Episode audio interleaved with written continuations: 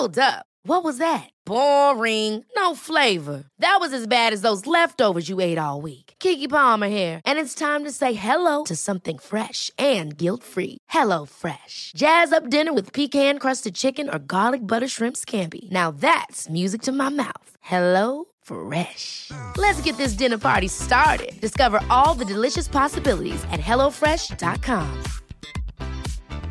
Even on a budget, quality is non-negotiable. That's why Quince is the place to score high-end essentials at 50 to 80% less than similar brands. Get your hands on buttery soft cashmere sweaters from just 60 bucks, Italian leather jackets, and so much more. And the best part about Quince, they exclusively partner with factories committed to safe, ethical, and responsible manufacturing. Elevate your style without the elevated price tag with Quince. Go to quince.com slash upgrade for free shipping and 365-day returns. One size fits all seemed like a good idea for clothes Nice dress. Uh, it's a it's a t-shirt. until you tried it on. Same goes for your healthcare.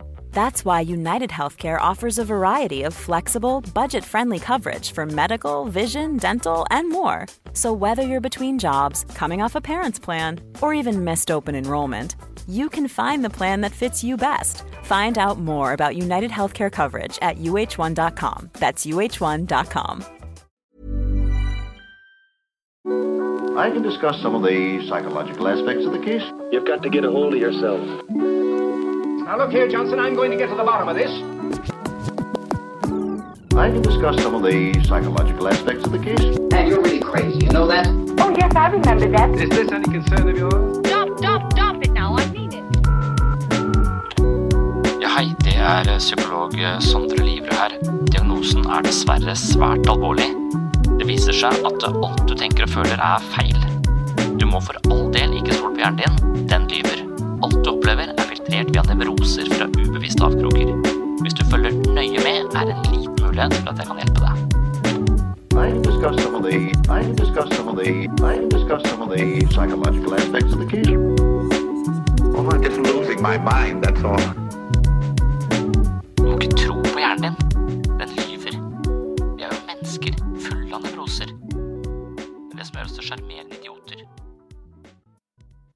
Hva motiverer oss? Hva skjer når vi mister motivasjon? Hva kan vi gjøre for å bli mer motiverte eller gjenvinne motivasjon? Dette er veldig sentrale spørsmål for mennesker. Å leve engasjert og vitalt er noe de fleste ønsker seg, men mange opplever å havne i en ørkesløs tilstand hvor ting oppleves meningsløst og lite motiverende. Dette er en tilstand vi gjerne assosierer med depresjon, og sannsynligvis representerer den et eh, symptom fremprovosert av en rekke ulike faktorer. Motivasjon defineres gjerne som eh, de biologiske, psykologiske og sosiale faktorene som aktiverer, gir retning til og opprettholder atferd i ulike grader av intensitet for å oppnå et mål. Det å være motivert for å gjøre eksempelvis en arbeidsoppgave betyr at du har et ønske om å gjøre noe. Det at handlingen vår er motivert av noe, betyr at vi sikter mot å nå et bestemt mål. Når vi snakker om motivasjon, er det også viktig å skille mellom to hovedtyper av motivasjon, nemlig indre og ytre motivasjon. Her regner man med at motivasjonen som kommer innenfra, er langt mer bærekraftig og solid enn den motivasjonen som kommer utenfra. Det viser seg at mennesker ofte jobber litt mer iherdig dersom de får en type belønning ved fullført oppgave, men denne typen motivasjon har en tendens til å avta ganske raskt. Når vi ikke gjør noe fordi vi selv har valgt det og synes det er meningsfullt, men snarere fordi vi vinner berømmelse, premie eller bonus, lever vi på en slags lånt, midlertidig eller svak motivasjon, og den vil gjerne forvitre ganske raskt.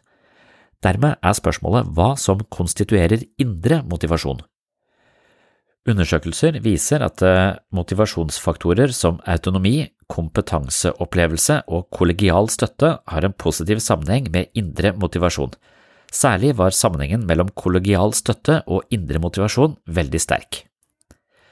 Freud har også en del å si om motivasjon, og han mener at vi driftes av livsdriften, herunder seksualiteten, og dødsdriften, herunder aggresjon og destruktivitet. Driftene har etter hans mening en begrenset mengde energi til rådighet. Man kan eh, ellers forvandle denne energien, binde den til ulike objekter, den kan tøyles, sublimeres eller komme til uttrykk gjennom ulike nevrotiske symptomer. Så når vi da mister motivasjonen, kan det handle om en slags blokkering av driftene. Freud hevder videre at eh, driftene våre er i en stadig konflikt mellom ytre begrensninger, kulturelle føringer, moralske forpliktelser, takt og tone og alt annet som borger for sivilisert atferd. Kulturen regulerer samspillet mellom mennesker, men risikerer å legge beslag på menneskers eh, driftsliv på en måte som skaper store psykiske spenninger og symptomer på både angst og depresjon. I tillegg er det slik at nesten alle psykologiske teorier har sine forståelser og perspektiver på menneskelig motivasjon. I dag skal jeg pensle innom et eh, eksklusivt eh, utvalg, og dermed så er det da duket for en eh, motiverende episode her på Sinnsyn, og velkommen skal du være. Motivasjon, jeg tenker det er som et uhyre viktig fenomen. Det er liksom motoren i alt vi foretar oss. Det kommer fra ordet movere, så det betyr å bevege seg. Og det er jo den bevegelsen vi trenger for å komme oss fremover i livet. Og uten motivasjon så blir vi ofte sittende helt stille. Tida fortsetter å gå, og vi blir eldre og eldre, men vi beveger oss ikke. Vi vokser ikke. Så motivasjon er eh, helt sentralt. Og så vil de fleste psykologiske teorier ha en annen mening om motivasjon. Så du kan nesten gå til hvilken som helst psykologisk skole og spørre de hva de mener om motivasjon, så har de et eller annet bud på hva det innebærer. I den podkasten vi hørte, så var det litt snakk om eh, om Freud, blant annet, og det er jo én idé. At vi har to grunnleggende drifter. En livsdrift, som også innebærer eller involverer seksualitet. Og så er det en dødsdrift, som handler om eh, det mer aggressive. Og de driftene, de, eh, de Freud mente vi hadde en viss mengde energi i disse driftene. Og at det var den energien vi brukte for å ja, motivere oss eller bevege oss framover i livet. Og så mente han jo også at eh, samfunnet er liksom lagt opp på en sånn måte at vi får flere og flere regler. Og vi har flere og flere påbud og sanksjoner mot de som bryter den typen påbud. Stille sånne kulturelle føringer som langsomt eh, legger litt beslag på disse livskreftene våre. Da. Både lystprinsippet og også det aggressive. Så vi er nødt til å undertrykke det. Og når vi undertrykker det, så risikerer Hvis vi skrur det helt av, så, så, så er vi helt apatiske. Da får, får, blir det ikke noe bevegelse. Så kunsten i et moderne samfunn er jo å tilpasse seg. Men prisen vi betaler, er en slags undertrykt driftsliv. Og så er det da kunst å prøve å finne en kanal for de driftene, sånn at de likevel kommer til uttrykk på en fornuftig måte. At det er liksom hele prosjektet vårt. Og det kalles jo sublimering. Det er en moden forsvarsmekanisme hvor vi klarer å uttrykke eller finne en slags kanal for de eh, driftene som er i oss, sånn at de får, eh, finner sitt utløp. Og hvis vi fornekter de, eller hvis vi undertrykker de, så skjer det en slags blokade i oss. Og den blokaden det er en slags psykologisk forstoppelse som gjør at du ikke får levd livet ditt vitalt.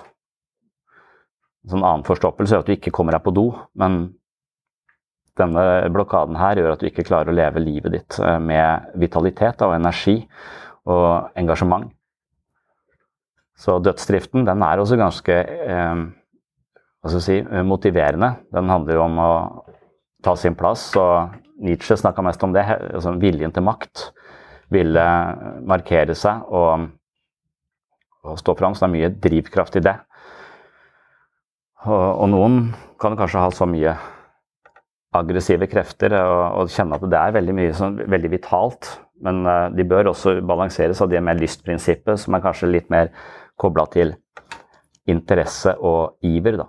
Så i følelsessystemet vårt så har vi liksom fire grunnleggende følelser. Vi har panikk, som er frykten for å bli forlatt. Så har vi frykt, som er frykten for å bli angrepet, på en måte. Så panikk og frykt er to litt forskjellige varianter av uh, i følelsessystemet vårt, det grunnleggende følelsessystemet vårt, men de, er, de, trekker oss tilbake. Så frykt gjør at vi trekker oss tilbake. Så De motiverende følelsene det er interesse og iver, og så er det raseri. Og det er da Freud sin dødsdrift og lystprinsippet, eller denne libido, som han kalte det. Så libidoen er energien som går ut i interesse, iver, også seksualitet og en mer sånn lystbetont investering i livet. Mens det aggressive handler mer, er også veldig proaktivt, men det handler om å sette grenser eller ta igjen eller uh, markere seg. Så det handler om statusorientering, dypest sett. Så enhver blokade f.eks. av uh, aggresjon, for, vi lever i en samfunn hvor aggresjon ikke er uh, spesielt altså Det har jo alltid vært en litt sånn farlig følelse. Den kan jo gjøre ganske mye skade. Så det å kultivere den og undertrykke den mest mulig, det har vært et prosjekt. Det har vært et prosjekt i religion også. Det er mange sånne store idétradisjoner som har prøvd å undertrykke det. Og vi har også, kanskje spesielt på Sørlandet, at det er liksom litt kjennetegnet for denne landsdelen også. At den sier at alt er greit, selv om det er helt jævlig. Så det, det fins også sånne kulturelle sanksjoner mot det å være sint. Også. At det kanskje er det verste man kan si til noen her på Sørlandet, er at ble du sint nå? Det, det, er nesten, det, er nesten, det jævligste du kan utsette et annet menneske for, for det å beskylde dem for det er eh, Mens det finnes sikkert eh, steder, andre steder i, hvor det å bli beskyldt for å være sint er ja, selvfølgelig, du er et rasshøl. Altså, det er veldig godt observert. Blir ikke krenka av det i det hele tatt. Så hvis vi undertrykker denne, denne kraften som handler om å markere seg, da, som også er eh, veldig så, så vil jo denne psykodynamiske teorien si at det er, det er liksom veien inn i både angst og depresjon.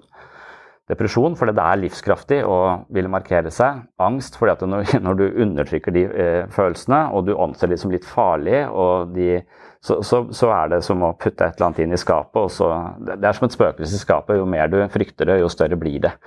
Så, så man blir liksom litt redd for seg selv, og da får man sånn type frykt for å klikke. Da. Altså man kan gå rundt med en sånn eh, og når man er redd for å klikke selv fordi man ikke er i kontakt med sitt eget sinne, og man vet at det er der, men man vet bare ikke hvor, så blir man også litt sånn redd for hvordan man trår rundt i verden. altså Vil helst ikke se på nyheter som er aggressive. altså jeg vil unngå Så man unngår seg selv ved også unngå ting i den ytre, ytre, verden. Så da blir motivasjonen egentlig å unngå uh, sitt eget sinne. Ja. Man kan si mye om uh, ulike varianter av motivasjon der. Har vi snakket om det tidligere i dag, så det meste måten å og kanskje uttrykke et voldsomt raseri på, er jo å kultivere det inn i en annen kampsport, eller drive med standup eh, som handler om roasting, og, og, være frekk mot andre og få applaus for det. Eh, Istedenfor å miste vennene sine. Så hvis du har mye undertrykt sinne, så er eh, roasting og, og kampsport eh, kanskje to arenaer hvor det kan eh, sublimeres, som det kalles, da, komme til uttrykk på en eh, sunn måte i mine øyne så er komikere litt sånn kulturelle eh, si, psykoterapeuter, fordi de nettopp eh, gir vår frustrasjon også et uttrykk. Og så vet vi at det er liksom bare på, på kødd, men så kjenner alle litt på det. Det, så, så, de gjør det for, eh, for, folket. De setter ord på frustrasjoner som også bor i oss. og så, og så kan vi kanalisere det litt eh, via de bare ved å se på det. Så hvis du ikke selv har lyst til å stå på scenen og klage på andre, så kan du gå og se på noen som gjør det. Men det jeg egentlig syns var mest interessant eh, til i dag, jeg, når jeg driver og prøver å forske på hva man kan si om motivasjon, som ikke nødvendigvis ble sagt i den podkasten, det ble kanskje det, men når man snakker om motivasjon, så er det veldig mange som, som skiller mellom det indre og det ytre. Så en indre motivasjon og en ytre motivasjon. Og det tror jeg er et enormt uh, viktig poeng. Å virkelig forstå forskjellen på den indre og den ytre motivasjonen. Og kanskje en mistanke om at vi i vår tid driver og outsourcer mye av den motivasjonen som i utgangspunktet kanskje hører til i oss selv, til ytre ting. Pga. en sånn eh, mentalitet som ligger litt i dette prestasjonssamfunnet. Men det kan vi komme tilbake til.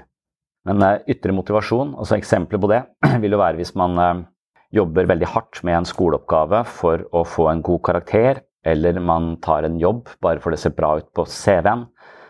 Eller man reiser til nye steder for å legge bilder ut på Instagram. Det er ytre motiver for å, for å gjøre ting. En indre motivasjon det vil være å ta et kurs fordi du har lyst til å vite mer om det emnet eller det faget, eller fordi du er dypt uh, interessert i det faget. Eller leke med hunden din fordi det, deg, fordi det gjør deg glad. Eller trene fordi det gir deg en god følelse. Altså, det står som et eksempel.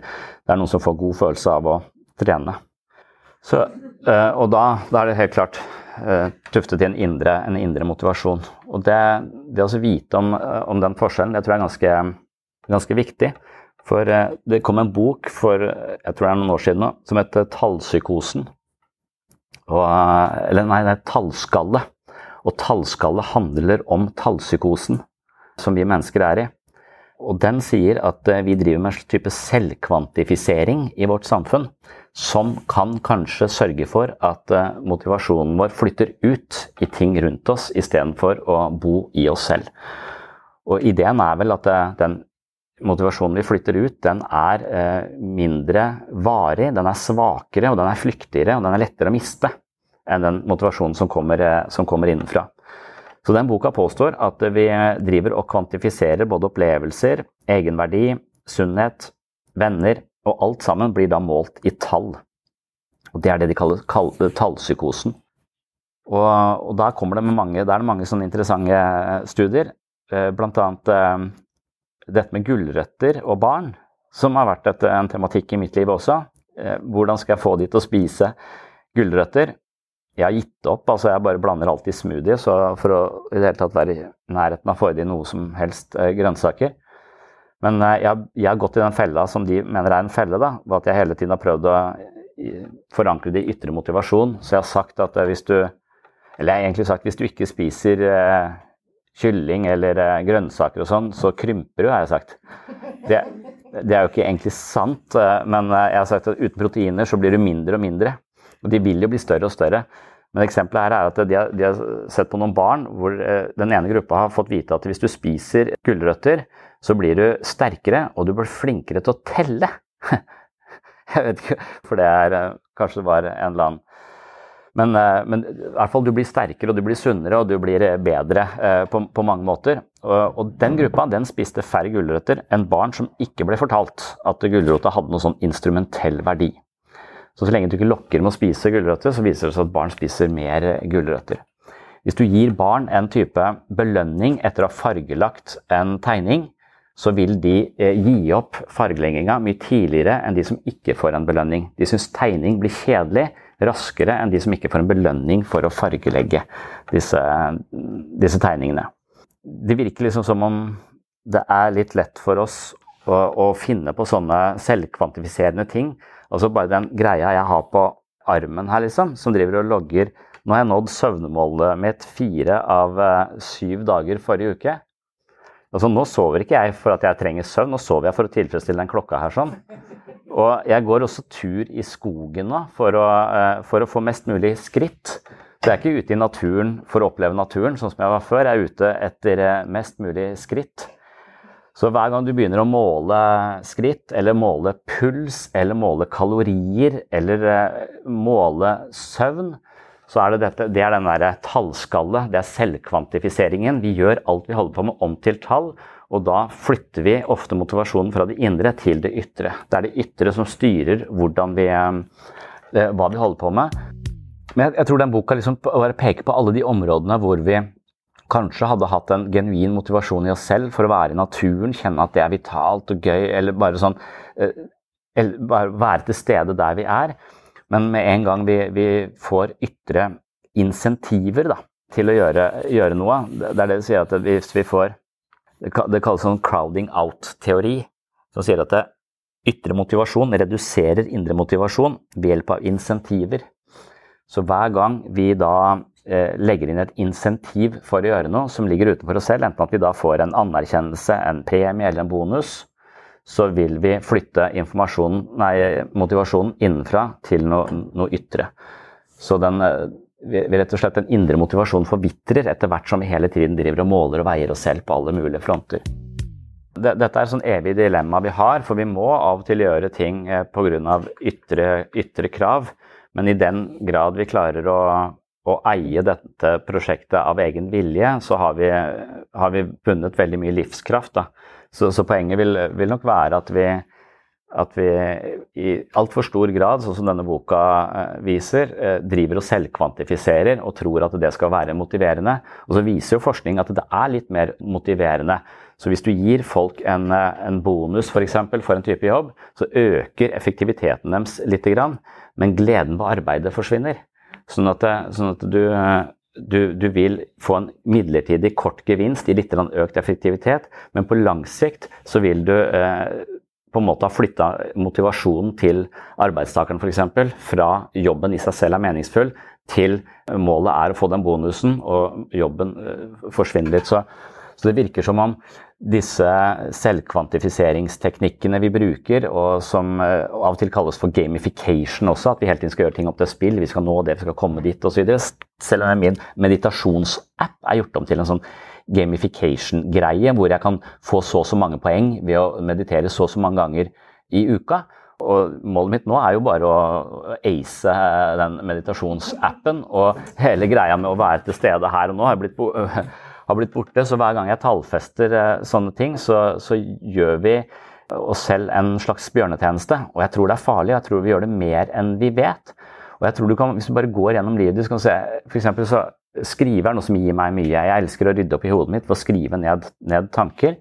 Og, og, så tenkte jeg jeg skal skrive en bok, og så har jeg gjort det uh, ved noen anledninger. Og så, og så, har det vært uh, noe jeg da har bare gitt ut selv i første omgang. Og det var en veldig fin prosess. Men så tenkte jeg at det, det, er litt sånn De som gir ut bøker selv, det er bare de som egentlig ikke kan skrive. Du må bli antatt av et forlag for at det skal være bra nok. Og så strevde jeg etter det, og så klarte jeg det til slutt. Og da fikk jeg en redaktør. Og nå måtte jeg plutselig skrive for at han skulle ha noe å lese, og jeg fikk deadliner og alt sånt nå. Hele greia daua for meg. Altså Nå ble jeg styrt av at dette skulle leveres der. Så all min sånn glede ved skrivingen forvitra litt, så jeg fullførte det prosjektet. Men jeg gjør det ikke igjen. Jeg, jeg kommer til å skrive for min egen del framover, ikke sette meg i den. Hadde jeg liksom vært avhengig av å skrive som, som inntekt, så måtte jeg sikkert forholdt meg til dette og finne, funnet et eller annet. Og Det kan nok hende at du klarer å sjonglere dette og ha en slags ytre, eh, ytre, krav på deg, men likevel beholde den indre motivasjonen. Da. Men jeg tror det er Eh, vi skal være veldig påpasselige med det når vi, når vi, flytter denne motivasjonen utenfor oss selv. For jeg tror det er liksom det vi har snakket om her, objektspill og metaspill. Altså objektspill, altså livet er fullt av eh, spill vi spiller eller ting vi gjør for at livet skal gå framover. Og når de hele tiden er da styrt av at vi skal nå et mål eller nå en deadline eller få en bonus eller et eller annet der ute, så er det tilsynelatende motiverende, men jeg tror også at den typen spill er litt ørkesløse og kjedelige. Og jeg tror motivasjonen og gleden med det vi holder på med, forsvinner totalt. Og, dermed så er denne forskjellen på da å ha et metaspill isteden, som jeg kaller det. Metaspill er egentlig bare et ord på indre motivasjon. Gjøre ting som drives av din egen indre motivasjon. Vi har snakket om dette forholdet mellom metaspill og objektspill. Altså, du kan godt leve et helt liv på objektspill. Det er forholdsvis motiverende, du kommer til å gå jævla mange skritt. Du kommer til å nå søvnmålet ditt. Eller egentlig, jo mer du måler søvnen din, jo vanskeligere er det for å sove, er min erfaring.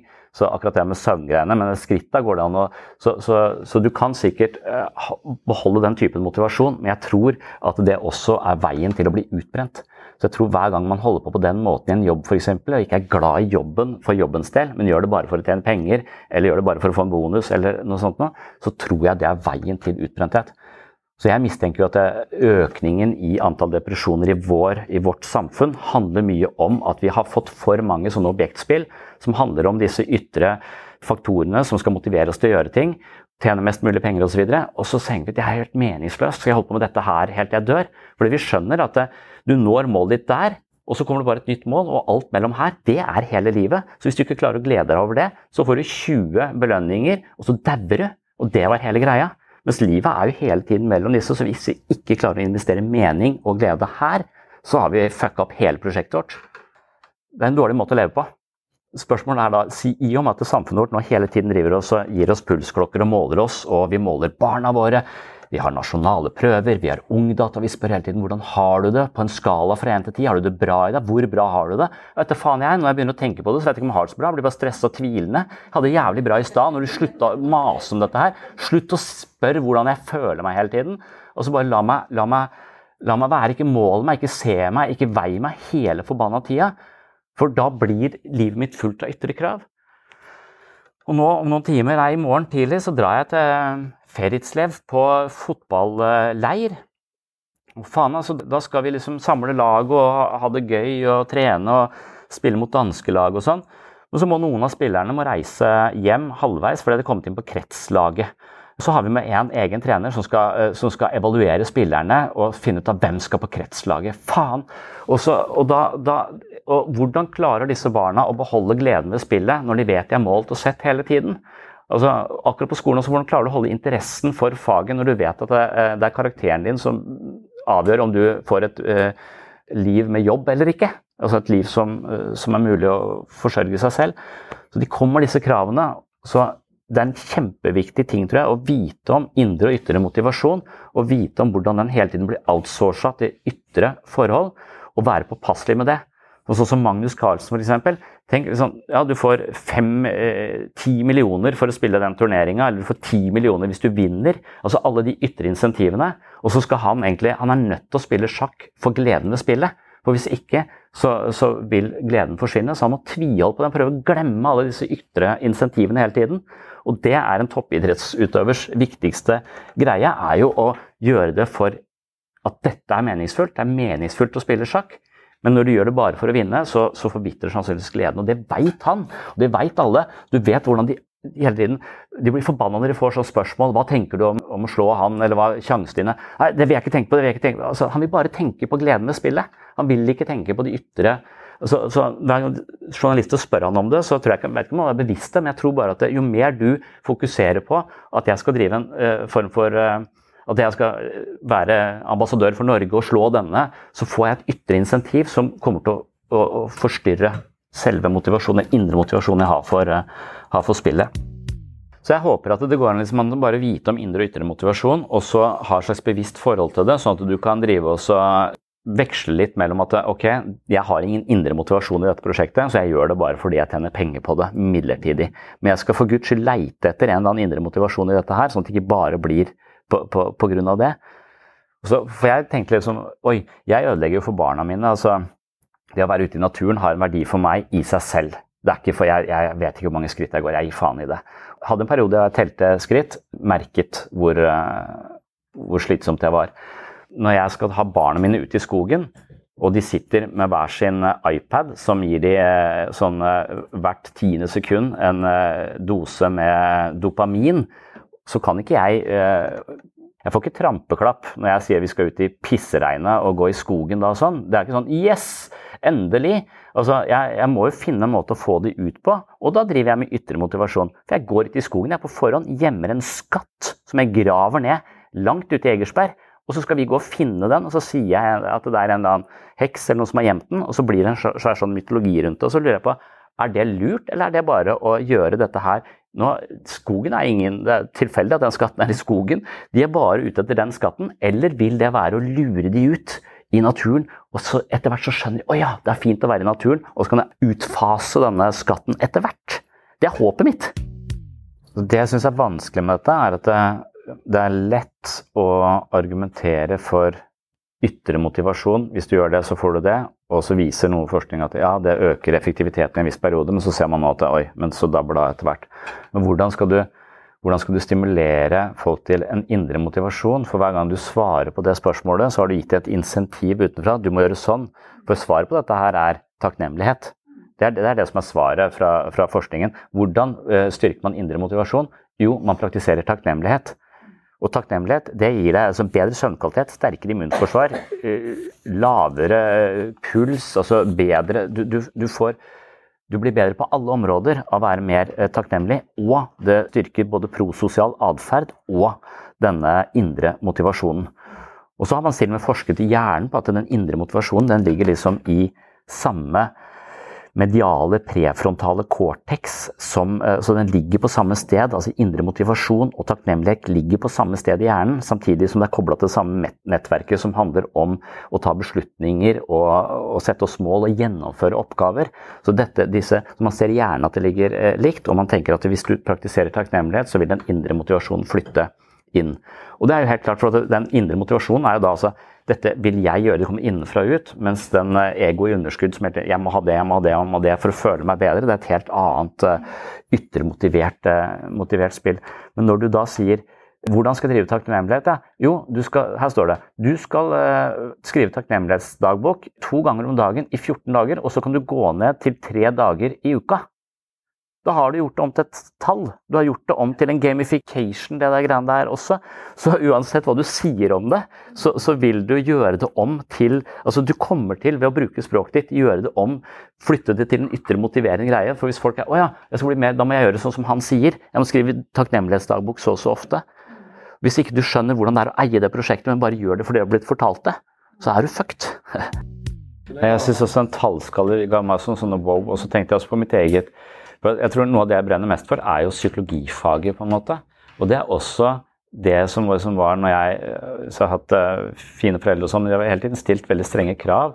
Og skolen har stilt strenge krav, og jeg har måttet prestere på skolen hele tiden. Og jeg har bare gjort det for å få karakterer. Jeg kan ikke huske noe av o-fag. Jeg jeg har bare fått gode karakterer for å få gode karakterer. Og så kom jeg plutselig til et annet land hvor jeg skulle studere psykologi. Jeg hadde valgt det selv, på tross av anbefalinger om å ikke gjøre det. Jeg burde gått noen andre, andre veier, så jeg plutselig valgte det selv.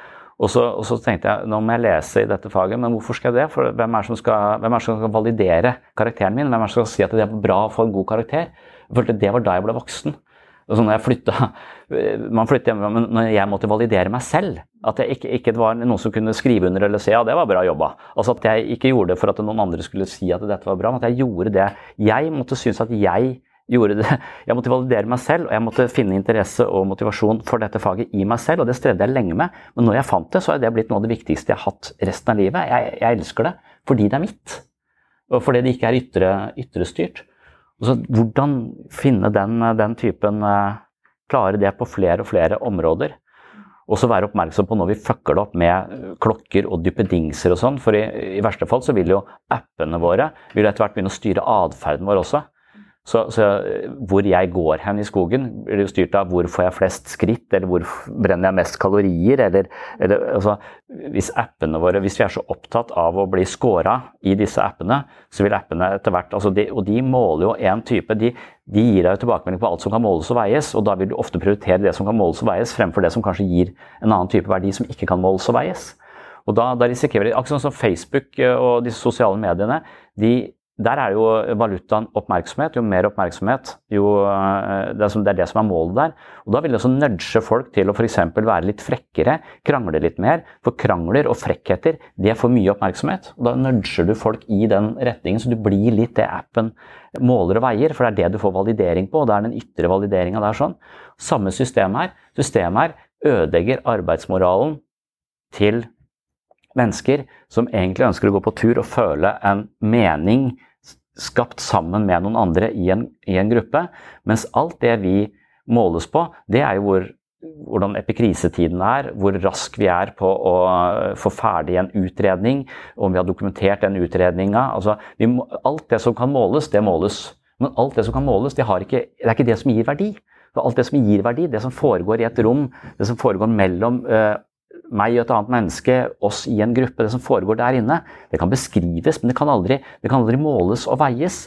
Og hvis vi da lar oss på en måte påvirke av dette, så vil hele tiden vårt fokus være på å være best elev i klassen. Så jeg skal ha alle epikrisenorden. Jeg skal, alle, skal aldri lyse rødt, da, for det er det som skjer i journalen. Det begynner å lyse rødt og gult overalt. og det er For sein med den fristen. for sein. Så nå har jeg en sånn liste på 40 dokumenter som er gule. Og gule, jeg vet ikke, etter de blir gule, så blir de røde. Og etter at de blir røde, så veit jeg faen ikke hva som skjer. Får jeg sparken da, når de, når, de, når de, blir røde? Men det er ting jeg skulle skrevet som, eh, som, som jeg nedprioriterer med vilje. Fordi jeg føler at det, hvis jeg nå begynner å gå inn på den banen her hvor jeg skal være flink overfor systemet, så kommer jeg til å bli en ræva terapeut. Og, og, sånn tror jeg det er på appene, sånn tror jeg det er overalt. For de skal hele tiden, alt som skal måles, det flyttes ut av meg. Da blir målet mitt å, å få skrevet ut flest folk, da. Det er jo et mål. Hvor mange kriser klarer du å skrive i en løpet? på en måte? Skal jeg faen meg få disse folka ut fort som faen! Så jeg, får, uh, så jeg scorer best. Så hvis dere bare kan gå hjem uh, nå og si at dette, det var det, så, så, så, kommer jeg til å ace den måten her. For får jeg kanskje en bonus. Og jeg tror hvis det regnskapet uh, kommer i ubalanse hvor den ytre motivasjonen blir høyere, så tror jeg det er veien til utbrenthet. Og da tror jeg du slutter å spille noe som helst spill, og da ligger du apatisk flatt ut. Og det er en variant av den moderne depresjonen. Det er rett og slett ikke å ha noe, noe følelse eller glede ved det man, det man, holder på med. Når det gjelder det med å være god eller ikke god terapeut, så er det ikke det jeg er opptatt av. Jeg er opptatt av ideene i faget. Jeg driter litt i mine kvalifikasjoner som terapeut. nei, nei, jeg gjør ikke det. Og jeg tenkte litt på det, altså det der med en som var her på tirsdag, som hadde ADHD eller sleit med det, da, og mente også at den, den delen av hjernen som da man kan se en eller annen uh, ubalanse i, det var den samme mediale prefrontale cortex. da, Hvor det å sette i gang uh, oppgaver og sånn. Så, så hvordan at det også da var forbundet med motivasjon, syns hun var, var, interessant. For jeg merker jo også at det, det å virkelig ha en indre motivasjon, det krever jo også at jeg etablerer den indre motivasjonen, at jeg kjenner gleden ved noe, at jeg går tilbake til lystprinsippet. Og så har jeg hatt en periode nå liksom jeg tenkte jeg må lese mer skjønnlitteratur. Hvorfor må jeg lese mer skjønnlitteratur? Jo, fordi jeg vet at det har gitt meg en glede tidligere, og jeg har forsømt det nå. Og, begynner, og Hvis du da begynner å komme tilbake til det altså du, du, Jeg har mista litt nesten konsentrasjonsevnen til å lese skjønnlitteratur, kanskje fordi jeg har barn også. så det liksom kommet litt i bakleksa. Jeg vil gjerne tilbake til det. Men så begynte jeg plutselig å tenke hvis jeg leser tre sider hver dag, og da begynte jeg å telle sider og, og, og, da var jeg tilbake på det tellefuckings-prosjektet. Altså jeg skulle telle bare jeg skulle nå dette målet. Men så kan det være at den ytre motivasjonen er det som skal til for å koble meg på den indre igjen. For så å eie den boka. altså Få glede ved å lese leseropplevelsen. For, for, jeg kan hele tiden ha sånn Skal jeg lese det, eller skal jeg lese det? Det gir meg ny kunnskap. Jeg trenger mer kunnskap. Eller skal jeg lese det? Det er jo bare eh, Det er helt meningsløst, men det er veldig gøy. Jeg har nok en tendens til i meg selv også å veie de tingene som har som er effektive eller betydningsfulle på noen måte, mye høyere. Og da er jeg et offer for dette her. Det er, det er fordi jeg skal tilkjempe meg kunnskap. Jeg leser dette. Mens dette her er bare for, for gleden ved å lese, eller opplevelsen av å, å lese. Og det å hele tiden skjønne dette var for meg sånn Å ja, så jeg kan egentlig lese ting som er helt totalt meningsløst, men likevel bare gøy. Eller, eh, eller eh, ja, gi meg en Det, det er drift av lystprinsippet, og ikke av superego. Many of us have those stubborn pounds that seem impossible to lose, no matter how good we eat or how hard we work out. My solution is PlushCare. PlushCare is a leading telehealth provider with doctors who are there for you day and night to partner with you in your weight loss journey. They can prescribe FDA-approved weight loss medications like Wagovi and Zepbound for those who qualify. Plus, they accept most insurance plans. To get started, visit plushcare.com slash weight loss. That's plushcare.com slash weight loss. Hold up. What was that? Boring. No flavor. That was as bad as those leftovers you ate all week. Kiki Palmer here, and it's time to say hello to something fresh and guilt-free. Hello Fresh. Jazz up dinner with pecan-crusted chicken or garlic butter shrimp scampi. Now that's music to my mouth. Hello Fresh. Let's get this dinner party started. Discover all the delicious possibilities at HelloFresh.com. Hiring for your small business? If you're not looking for professionals on LinkedIn, you're looking in the wrong place. That's like looking for your car keys in a fish tank. LinkedIn helps you hire professionals you can't find anywhere else, even those who aren't actively searching for a new job but might be open to the perfect role. In a given month, over 70% of LinkedIn users don't even visit other leading job sites. So start looking in the right place. With LinkedIn, you can hire professionals like a professional. Post your free job on linkedin.com slash achieve today. Det, så jeg tror når du skal finne, finne, tilbake, så må du også finne tilbake til lystprinsippet. Du, du, må, du må, må, se at uh, ting som ikke nødvendigvis gir noen uttelling, scorer noen poeng, også har en verdi. Ja, Det fletter seg sammen, men hver gang du tenker på den måten, så har du fått et insentiv til å lese den typen skjønnlitteratur, fordi det kan kobles til å gi meg en større forståelse for den te teorien. Så, så, insentivet er litt sånn uh, farlig, men, jeg, men, på en måte så føler jeg selv at jeg har vunnet. Hvis du klarer å føle en genuin glede med noe som også er matnyttig på en eller annen måte, så, så kan det være at det er en vinn-vinn-situasjon, hvis du bare passer på at det, det matnyttige eller den der insentivet for å gjøre det ikke hele tiden er kobla til et eller annet utenforliggende mål på hva, hva, jeg kan bruke dette til. Det er litt det som er problemet i Nav også, da, at uh, hvis man skal liksom hjelpe folk ut i jobb, og du bare stiller krav Du må prøve det, du må prøve det, du må prøve det, du må gå på det kurset for å lære deg å skrive CV. Du bare får sånne instrumentelle ting å gjøre så de kan krysse av på en liste. Og skal du prøves ut i så og så mange arbeidsplasser. Hvis du ikke klarer å finne en eller annen motivasjon for å være der hos dette mennesket, så vil du komme til å mislykkes uansett. Og det er ikke sikkert dette mennesket egentlig klarer å etablere motivasjon selv. For det er eh, på en måte kanskje infisert av alle disse ytre kravene og egentlig bare gitt opp. Og blitt utbrent fordi denne indre gleden ved å gjøre en jobb eller være en del av et fellesskap eller noe sånt, og den, den har de ikke noe erfaring med på lang, lang tid. Den har visna helt. Så da må man liksom eh, finne en eller annen eh, og Da sier denne ideen om metaspill og objektspill sier at ok, da er det bedre å finne et eller annet objektspill. Du må gjøre det for å få de der. Altså Det er bedre å spille en sånn type spill enn å ikke spille noen spill. Ja, og Det er nettopp det som er en veldig viktig holdning her. at Hvis, at hvis du gjør noe for at du, Hvis du skriver takknemlighetsdagbok så og så mye, så lover jeg den og den premien. Jeg lover det og det humøret. Og hvis det er motivasjonen, så vil du aldri få den premien. For det er nettopp eh, Du gjør det på premisser som ligger utenfor deg selv. Og det, det samme med, med, å komme inn i en jobb. Hvis ikke du klarer å etablere en glede ved den jobben, en interesse, en engasjement og en vilje i deg selv ut mot dette, så vil du komme til å kunne prøve med en million forskjellige jobber, og du vil ikke føles noe bedre enn noe som helst sted. Så det må på en måte Ja, det må, det må komme, komme innenfra. Og det samme selvhjelpsbøker. Du kan jo lese det, så står det oppskrifter på hvordan du skal leve et godt liv. og Hvis du bare følger den oppskriften, så, og det er det du gjør, så vil du sitte der og, og, og føle at livet er like meningsløst som det var før du begynte. Ja, kanskje mer meningsløst. Det er sikkert veldig forskjellig motivasjon på disse, disse folka. og de som varer lengst, bør vel ha en indre motivasjon, ellers så lever du Men det kan være noen som er så jævla sta at de bare gjør det på ytre motivasjon også et helt liv, og at det livet bare er langt og anstrengende og slitsomt, og de spyr på før hver eneste, hvert eneste løp, og de bare føler enormt ubehag ved hele på, på alle områder. Og så, så tenker jeg at det, det, hvis vi vet om det, så går det an å gå en runde med seg selv. Hvorfor gjør jeg dette? Og det var noe forskning på veldedighet også. Hvis du, hvis du, premierer veldedighet, så vil folk slutte med den veldedigheten. Altså de vil gi mindre etter hvert. Hvis du, mens hvis du lar folk bare gi til veldedige formål, og du ikke premierer det på noen måte, så, så vil de fortsette, og de vil gi mer på, på lang sikt, hvis du ser på de over et, over et lengre perspektiv. Så hver gang du premierer noe, eller du har et ytre insentiv, så blir hele greia om til en transaksjon. Jeg gjør dette, og jeg får dette. Det samme var det med blodgivere. Altså De blodgiverne som fikk penger eller et krus for å gi blod, de ga mindre blod, mens de som ikke fikk noe for å gi blod, de eh, holdt ut lenger og ga, ga, mer blod. Så i den forbindelse så er jo Fleksnes eh, på nytt, for jeg har sett Fleksnes hele, hele livet. Han mener jo at de som gir blod, de burde hatt et sånt lite gullskilt eh, som de kanskje fikk, hvor det står 'Han ofret sitt liv for fedrelandet'. Litt sånn sydlig eh, her, så, så han er så opptatt av om han får noe. Så når han kommer til blodgiver så han ikke får noe, så er han så jævlig skuffa. Det er ikke noe vits hvis ingen veit at det er hva vi driver med, at vi som ofrer oss for, for fedrelandet. Så er det så tydelig at hans skrøpelige ego er så involvert i dette prosjektet. Men det viser seg at når du driver og premierer veldedighet, så tar du fra folk følelsen av å være et godt menneske.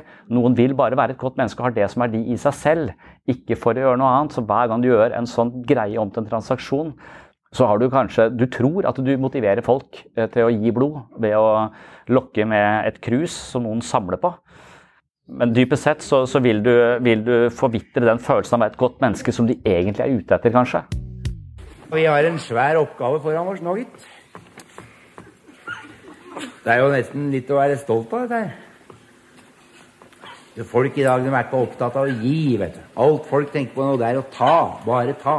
Vet du hva som er mitt valgspråk? Det er at du skal ikke ta mer enn du gir. Eller gi mer enn du tar. Er det, er, er, sånn det er ikke dumt. Du Får du noe merke eller noe sånt noe for å gi blod? Mm, sånn... uh, nei, jeg tror ikke det. Det er rart. Jeg skulle hatt et lite merke som folk så hva vi dreiv med og holdt på med. Det viktigste er at vi gir blod, ikke sant? At vi hjelper andre. Ja? Ja, men Det er ikke alle som fortjener blod, vet du. Ta, ta den derre politikerne, for eksempel. Sånne folk, politikere, verst jeg vet, suger til seg, suger ut mennesker. Bare utnytter andre menneskers dumskap. Alminnelige mann i gata blir bare av de folka der. Men hvem er det de der politikerne? Når dem en gang legger seg ned og blir grå i trynet med ene beinet i grava, hvem er det de spør da? Da spør de vårs om blod. Parasitter, kaller jeg det. Det er noen andre som får blod også, da, ikke sant? Ja, men får de det? Det blir ikke administrert bort på veien, da. Vet du åssen det er med sånne innsamlinger? Det er rart det, at det ikke er noe sånn lite merke. da. Sånn lite, tenk meg sånn lite gullmerke som kunne ha på jakka, f.eks. Hvor det sto at det var blodgiver. Kunne stå sånn 10-12 cm, f.eks. Lite merke. Og så, så, kunne det stå med litt sånne bokstaver. Litt sånn diskré kunne det stå f.eks. Han gav sitt blod for at andre skulle leve. Jeg mener, burde ha fått noe, syns du ikke det? Hva da, da, for eksempel? Penger? Penger. Penger, Du tar jo ikke penger for å gi blod. Gi, det er noe du gjør for at du skal være grei, det, vet du. Å gi, det, det er jeg, for eksempel. Se hva jeg gir. Se på meg, hva jeg gir. Jeg gir til papirinnsamlinger. Det gir jeg. Frelsesarmeen juleinnsamling. Det gir jeg. Gamle strømper og litt av hvert. Se her, skal du se hva jeg gir. Se her. Se her, skal du se. Hvis du trekker det i tvil, så er for eksempel Skal du se hvor jeg har den. Her. Gitt. Ungarn 1956. 15 kroner. Ja, og det var ikke den krona som vi har nå. vet du, ikke den her kastrerte 1972-krona. En krone den gangen, det var jo nok til å ha Så Kongo 1962 15 kroner. Algerie samme år 10 kroner. Skumvær 2 Erik Bye og greier 25 kroner. Maiblomst 1970 1 krone. Biafra 68 5 kroner. Der var jeg litt i tvil, altså. Pakistan 71 5 igjen. Så sier jeg ting, jeg. Den dagen jeg står foran Sankt Peter, og han sier til meg 'Nå, Fleksnes, har du vært snill gutt på jorda.' Vet du hva jeg gjør da? Da tar jeg fram den boka her, så klapper jeg en på skuldra og sier 'Se her, du kjøkken. Les sjæl og les sammen'. Nei, der, der er jeg ikke redd, gitt. Jeg kunne krabbe på kort varsel. Jeg har den boka her. Det er best å skrive inn her også. Gitt blod. Kroner 50. Har sett noe sånt noe, vel? Har du gitt blod lenge, du, da? Ja, hver tredje måned. Jeg begynte i 52 eller 53 eller sånt. Jeg husker ikke så nøye. Ja, ja, er det noe å skryte av, ja? Det må bære seg sånn. For det mye ga du mye ga du til Bangladesh, da? Du, ærlig talt Hvor mye ga du til Bangladesh, spurte jeg. Sitte her og blamere deg hvor mye blod du har. Hva ga du til Bangladesh? Svar, nå skal du høre. høre. Hvis du absolutt skal ha greie på det, så ga jeg 100 kroner. Ja, ja, det er jo noen som har mer enn andre, da. Jeg, eh, jeg kunne også gitt det, men jeg har, har mye andre utgifter òg. Jeg har jo husleie 250 kroner, avdrag på farge-TV. Hør her. Ja. Vi glemmer dette her, hva? Ja, sant? ja, ålreit, ålreit, ålreit. ålreit. Hvis du syns det er pinlig å snakke om det, så er det greit. det. Ja, jeg syns det er motbydelig. Herr Andersen. Ja, takk. Det er din tur. Lykke til. Få hilse til Dracula.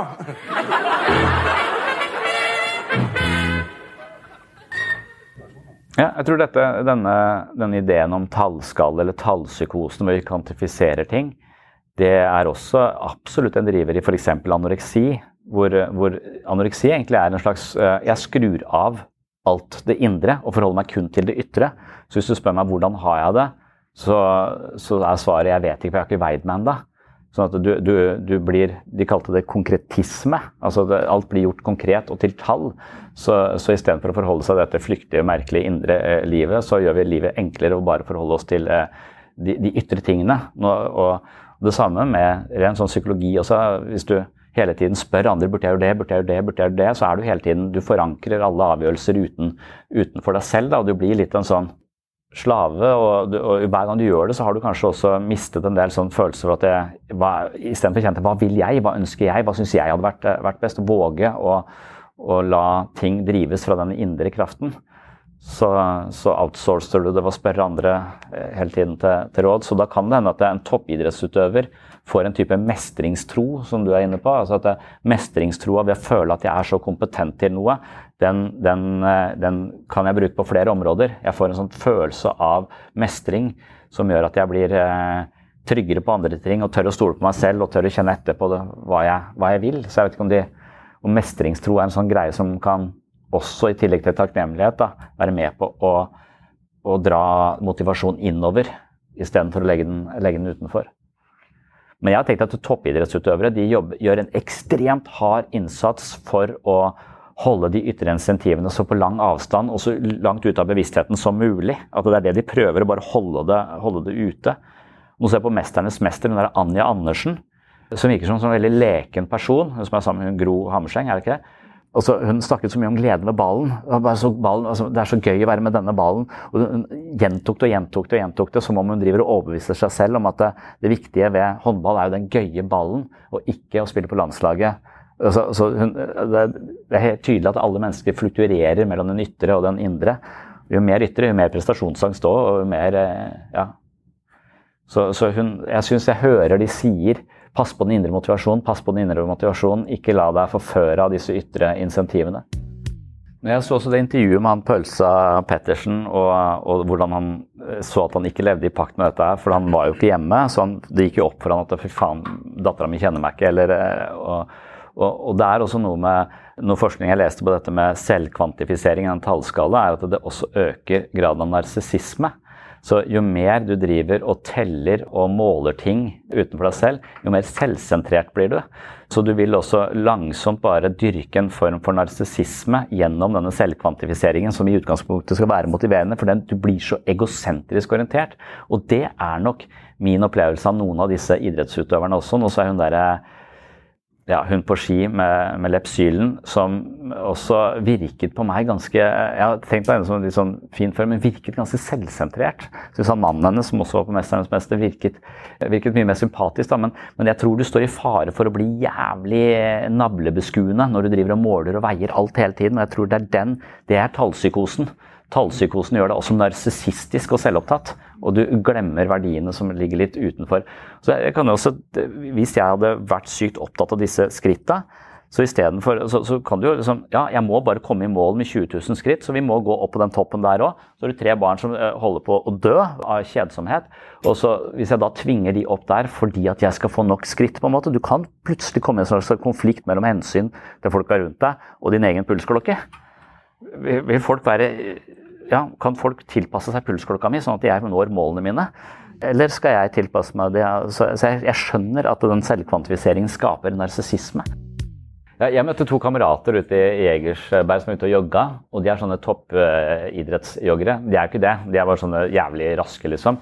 Og så, og så, var det sånn, De begynte å løpe sånn baklengs for å, snakke til meg, for de kunne ikke stoppe. Og det skjønte jeg, for de hadde et eller annet sånn løp. De, de, de, de kunne jo ikke, kunne ikke, stoppe å snakke med meg. meg det, er, det, er, helt greit men fange av din egen jævla pulsklokke, tenkte jeg i, i det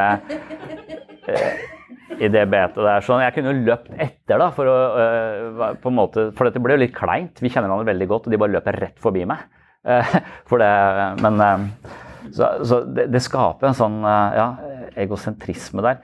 Men jeg syns han Birk, har du sett han? Han er friskikjøreren. Og jeg assosierer litt disse, disse snowboard Surfing, snowboard, liksom frika litt mer sånn der gjør det bare for det er gøy-greiene. Leken er fortsatt der, men så kommer det inn liksom i toppidretten, det også. Men han liksom, han han også er veldig flink til å være en veldig sympatisk Han virker som han er opptatt av folk rundt seg, også litt sånne ekstreme situasjoner. Så han beholdt denne menneskeligheten, denne leken i det. Og så er han helt rå, liksom. Han, eh, han er 100 ganger bedre enn de andre. Men, eh, men, han har et enormt sånn blikk for andre. Og når han beskrives, så er det jo alt dette han gjør for andre. Den sympatiske personen. Så han er jo en, en litt atypisk eh, kanskje idrettsutøver. Han virker ikke så selvsentrert, men han hører også til en sport som jeg assosierer som mer sånn leken enn de andre blodige alvoret med å gå så eh, fort og lenge at de fleste mennesker hadde stryket med etter ti minutter, liksom. Ja, sam Sammenligning eh, ligger jo litt der, at det er en sånn eh, drivkraft i oss. Men det ligner jo litt på narkomani, gjør det ikke det? Det ligner litt på alle mekanismene i, eh, i eh, iPadene, i spillene, denne gamifiseringsgreia. Fordi det gir oss en sånn følelse av Det gir oss en sånn dopaminrush idet vi har liksom eh, nådd målet, kommet til neste brett, fått det. altså det hele tiden, det lager en sånn, en sånn kunstig drivkraft i ting hvor vi hele tiden skal videre. Vi skal nå et mål. Så istedenfor at uh, veien til målet blir selve livet og det vi bryr oss om, så er det målene som er hele tiden. Og sånn er det jo for en for en som er rusmisbruker ofte, at det eneste jeg nå skal, det er å få mitt neste skudd. Og alt som skjer på veien der, det, ikke, liksom, det orker jeg ikke ha noe moralsk ansvar for engang. Jeg skal bare få det, få det, neste. Og da vil jo den delen av hjernen som kode for, eh, for interesse og iver osv., eh, den, den vil jo få alle sine stimuli utenfra, og da blir den slapp. Så det er det som er med det, Når vi snakker om eh, rusmisbruk, så er jo det å få det dopaminet og, og, de endorfinene som hjernen trenger for å føle glede og entusiasme i livet, når du får det av en fyr i boblejakke, istedenfor at du produserer det eh, selv, så sier hjernen ok, nå trenger ikke jeg produsere de stoffene, for de kommer fra han fyren i boblejakke, og så blir den delen av hjernen din veldig slapp. Derfor er det jævlig vanskelig å bli nykter.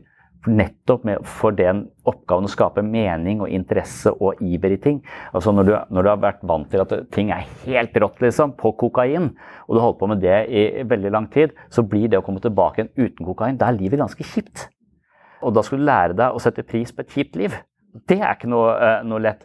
Og da blir jo disse folka de begynner å, Enten så blir de superkristne, sånn fanatisk kristne, eller så, så, blir de fanatisk treningsnarkomane. Hvor de bare jogger til Hovden før de har spist frokost hver dag. liksom. Og så at De gjør sånne helt ekstreme ting, for det skaper den samme nevrokjemien oppi huet deres. Men da eier du jo litt mer prosjektet. De har trent seg til den opplevelsen istedenfor at de har kjøpt den fra en fyr i boblejakke. Det det er, mye bedre å eie og vite at jeg kan skaffe meg den opplevelsen uten å være avhengig av han. For plutselig kommer ikke han fyren i boblejakke. ikke sant? Han er bura inn, eller han er tatt. Så må du finne en ny. Det er helt desperat. Så, det er jævlig. så når du har outsourca det til, til en sånn en men jeg tror det er litt det samme som skjer her, at vi må, vi må ta tilbake eierskapet til eh, dette her. Og istedenfor å bli lurt av alle disse endorfinpumpene som er rundt oss ved at vi Nå får du den bonusen, eller nå får det altså det, der, det er jaget etter noe. Liksom sånn, Føler vi bare sånn, sånn logrende hund som skal kaste pinnen, kaste pinnen, kaste pinnen, og så skal vi løpe og hente den. At er sånn, at det er lett for oss å gå inn i den fella. Fordi det gir oss en ganske umiddelbar følelse av å ja, Det gir en sånn dopaminrush av å, av å nå det målet. Men med en gang vi har nådd det målet, så føler de fleste ikke noe særlig glede. De fleste som oppnår et mål, føler ofte et antiklimaks. Beskrives ofte det samme hvis jeg har skrevet en bok og endelig ferdig, tror jeg at det skal bli jævlig deilig å være ferdig, eller veldig sånn. men ofte så føles det bare tomt. Og, og da, da, setter du bare et nytt mål som du kan jobbe iherdig hardt mot. Du jeg føler Du skal ikke ha gått på så mange sånne smeller og føle antiklimakset ved å oppnå et mål. Du skjønner at det, det er ikke noe stas. Du må, er nødt til å sette pris på veien til målet. Hvis ikke så, så er det ikke noe vits, liksom. Men, men, det virker litt på, som det er den samme narkomane psykologien i det. Det er bare å få det skuddet, så, så får jeg det bra. Men de får det jo bra, da. Når de får det skuddet. Når jeg er ferdig med å skrive den boka, så får jeg det ikke bra. Føler det bare tomt.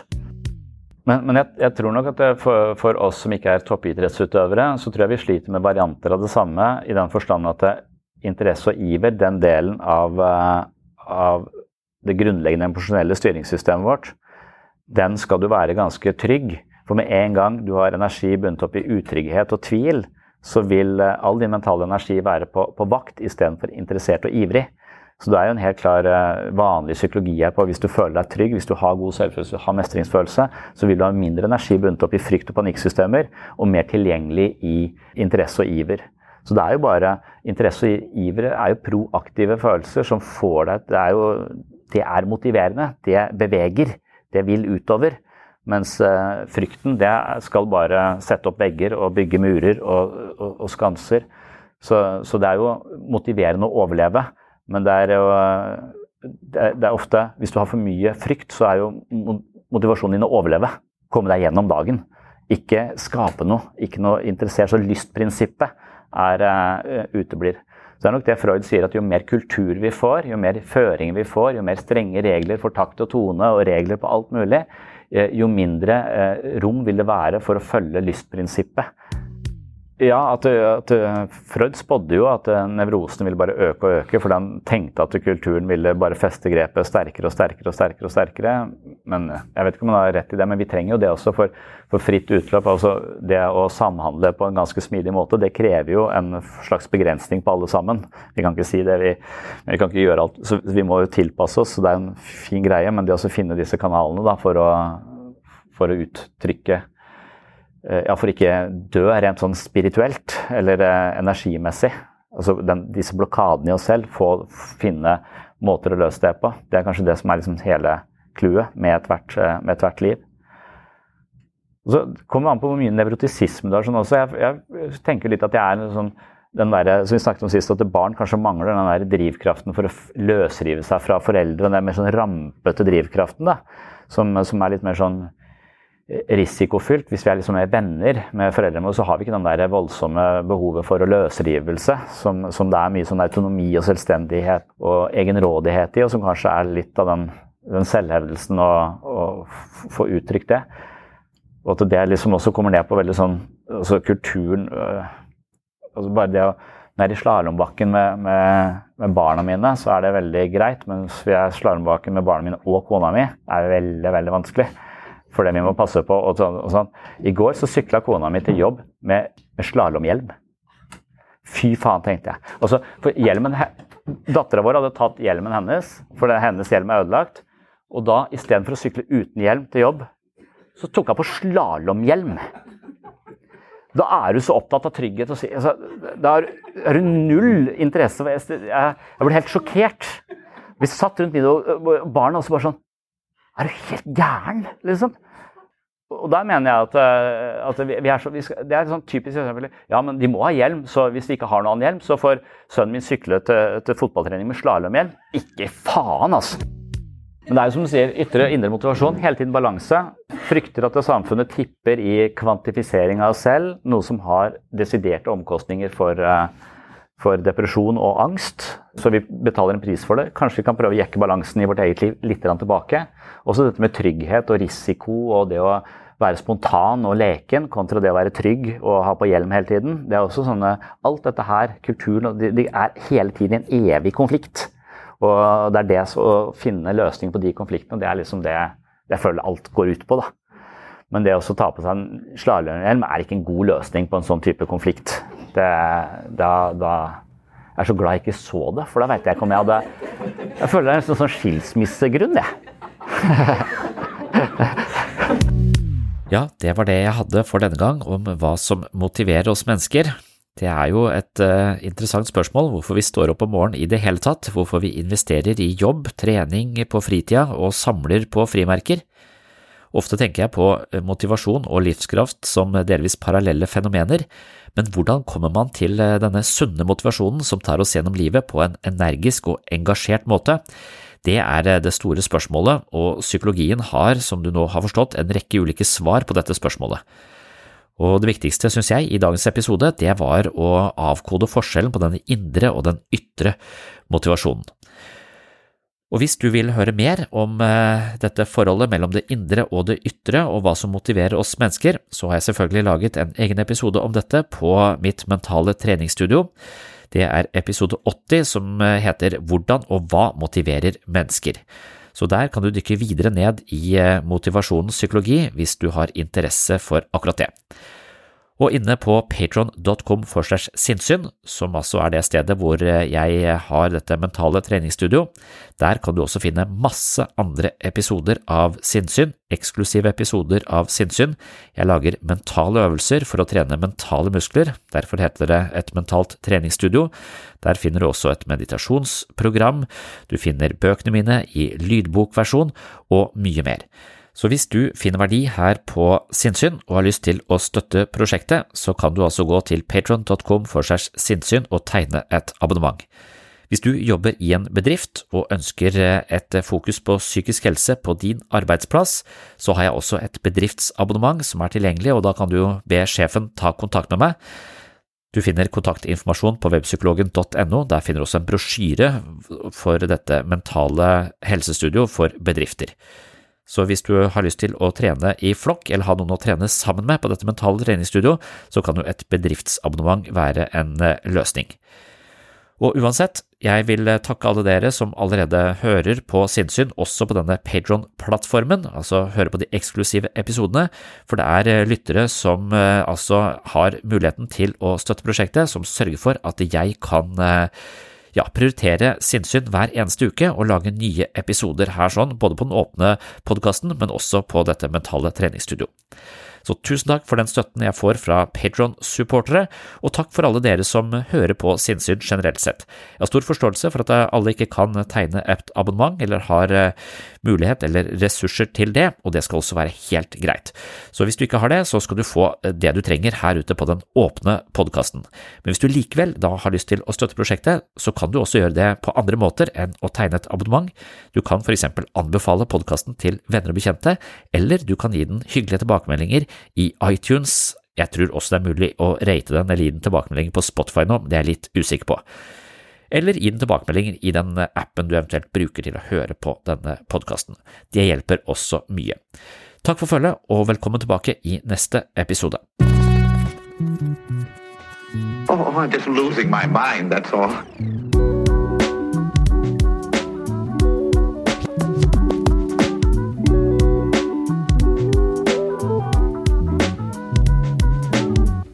The I can discuss some of the I can discuss some of the psychological aspects of the case.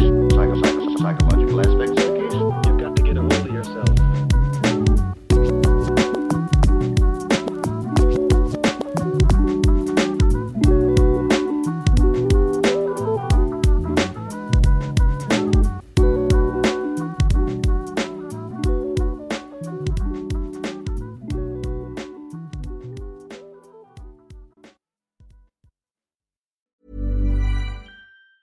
Planning for your next trip? Elevate your travel style with Quince. Quince has all the jet setting essentials you'll want for your next getaway, like European linen, premium luggage options, buttery soft Italian leather bags, and so much more. And it's all priced at 50 to 80% less than similar brands. Plus, Quince only works with factories that use safe and ethical manufacturing practices. Pack your bags with high-quality essentials you'll be wearing for vacations to come with Quince. Go to quince.com slash trip for free shipping and 365-day returns. Ever catch yourself eating the same flavorless dinner three days in a row?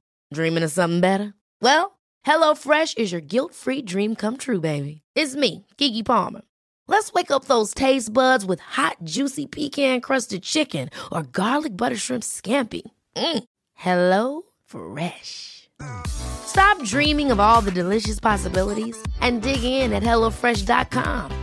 Let's get this dinner party started.